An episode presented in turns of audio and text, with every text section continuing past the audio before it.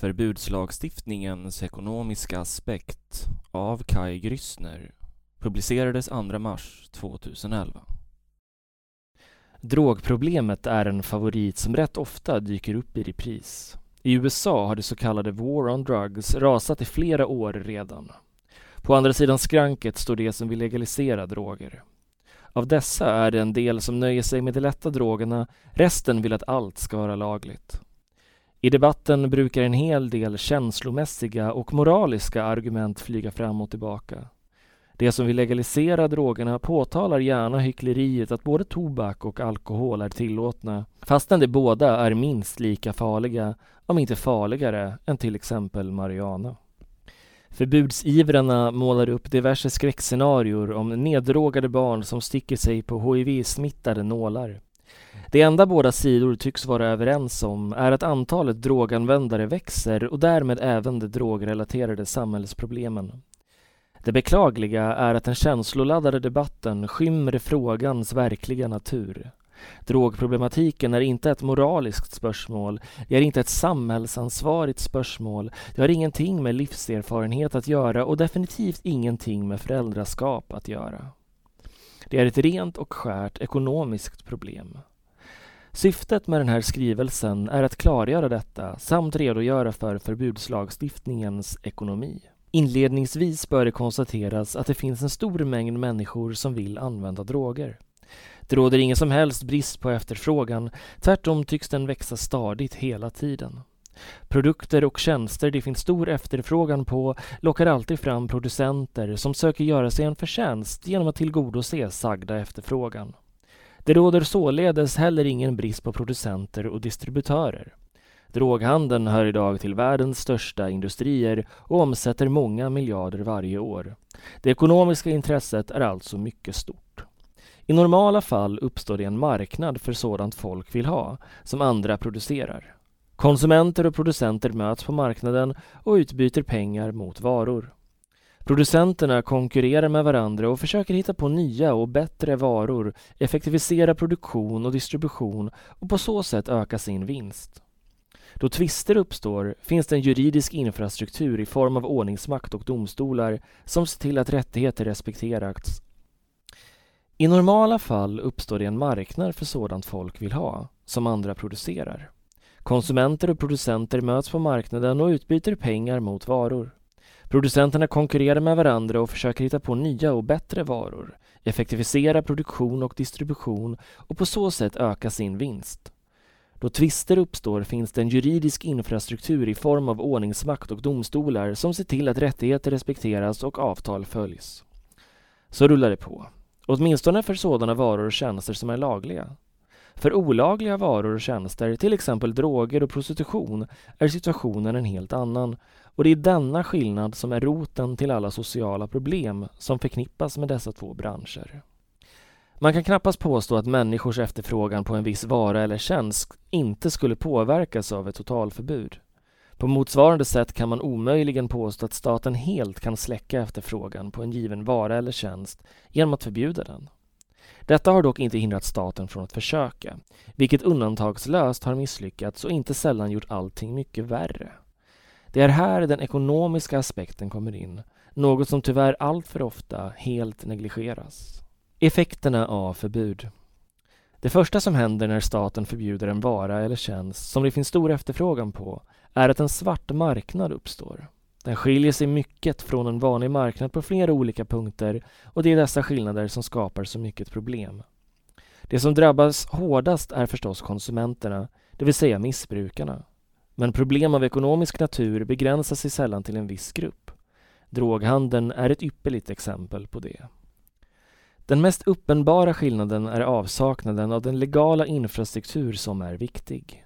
På en svart marknad finns det inget skydd för den privata äganderätten eller garanti för att avtal följs. För konsumenter innebär det att man inte kan kräva ersättning för undermåliga produkter. Man kan inte dra en knarklangare inför domstol och begära skadestånd av honom eftersom hela affären i sig är olaglig.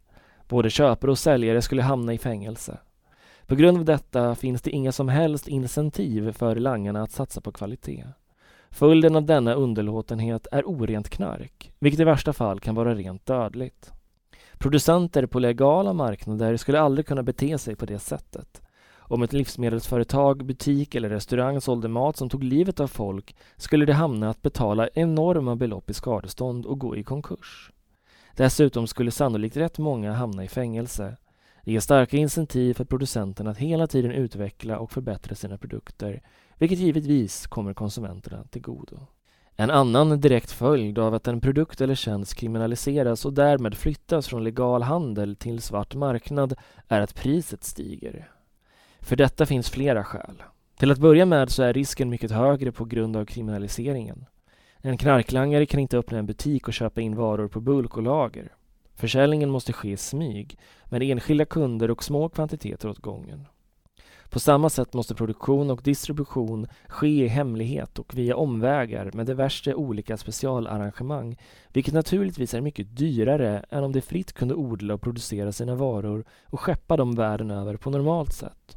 Logistiken blir alltså mycket mer osäker och kostsam, vilket märks i det slutgiltiga priset, som i likhet med alla övriga varor bärs av den slutliga konsumenten. Därför är drogmissbruk så dyrt, något som i sig leder till en rad andra problem. Även om de så kallade knarkkungarna lever i flott överflöd så är situationen för de som faktiskt säljer knarket på gatan ofta en helt annan. Eftersom langarna inte kan konkurrera med bättre varor och service till lägre pris måste försöka hålla kvar gamla och vinna nya marknadsandelar på annat sätt. Det brukar inbegripa våld. Istället för att locka till sig kunderna från konkurrenten så skjuter man honom istället. Svarta marknader är maffiornas skådeplats. Det tar sig uttryck i gängkrig och blodsfejder, en ändlös spiral av våld och hämnd. På engelska talar man om turf wars, med vilket menas att flera gäng krigar om samma geografiska marknadsandelar. Gäng X anser att ett visst område hör till dem och det är det enda som får sälja knark där. Om de märker att gäng Y gjort intrång leder det till krig. Det kan tyckas ironiskt att Kalifornien har bland de strängaste drog och vapenlagarna i USA med tanke på att de värsta drogrelaterade krigen utspelar sig just där. En naturlig följd av att något kriminaliseras är också att de som sysslar med det söker sig samman. I drogdebatten hör man ofta termen knarknäste, med vilket i regel menas en plats där missbrukare samlas för att hänge sig åt sin last. Vissa droger kräver någon form av redskap för att kunna användas. Det klassiska exemplet på sådant redskap är förstås sprutan. Att flera personer använder sig av samma spruta innebär tämligen uppenbara problem.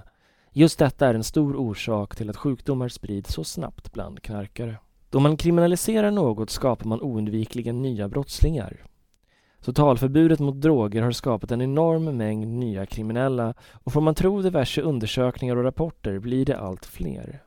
När en viss typ av brottslighet når en tillräckligt stor omfattning är det vanligt att polisen grundar en skild avdelning för att bekämpa denna brottslighet. Följaktligen har de flesta länders poliskårer en egen narkotikarotel.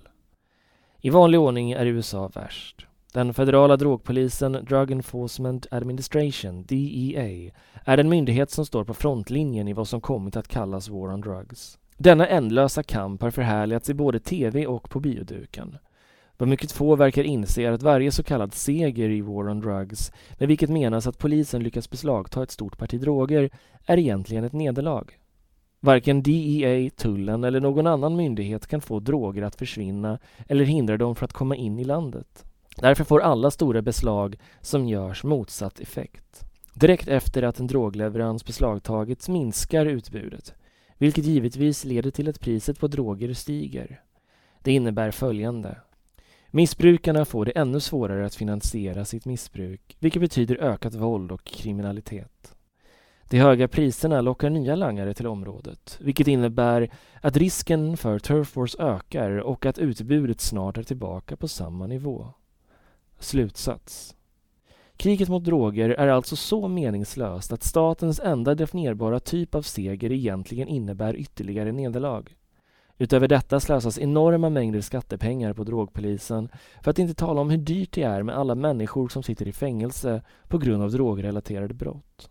Droganvändandet har ökat i Finland och på Åland trots förbudslagstiftningen. Omfattande empiri presenterad av drogmotståndarna själva antyder rätt starkt att totalförbud inte fungerar. Det i sig bevisar förstås ingenting, men varken DEA eller någon annan kan hänvisa till empiri för att stödja tesen att totalförbud fungerar. Det finns goda teoretiska skäl till varför totalförbud inte fungerar.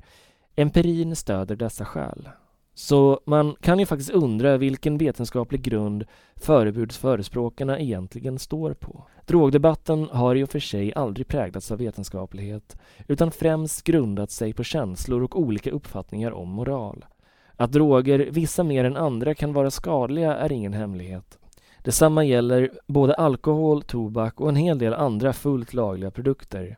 Det finns inte ett enda argument för ett totalförbud av marijuana och heroin som inte lika bra skulle kunna användas för totalförbud av alkohol och tobak. Så tyvärr är hyckleri och principlöshet också kännetecknande för drogdebatten. Det är delvis av denna orsak som den ekonomiska aspekten i det närmaste har glömts bort helt.